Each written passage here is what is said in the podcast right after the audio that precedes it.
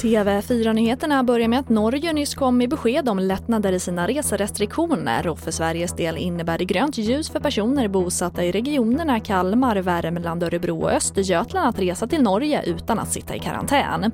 Tidigare har personer bosatta i Skåne, Blekinge och Kronoberg fått resa till Norge. Och det här innebär ju också att norrmän får resa till dessa sju regioner i Sverige utan att själva sitta i karantän. Och mer om det här kan du se på TV4 Play. Och sen till uppgiften att 21 nya dödsfall med bekräftad covid-19 har rapporterats i Sverige senaste dygnet enligt Folkhälsomyndigheten. Och därmed har 5 697 personer avlidit i smittan i Sverige.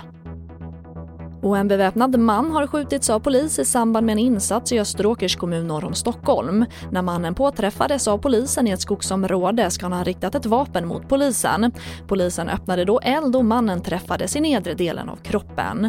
Och det var det senaste med TV4 Nyheterna med mig Charlotte Hemgren.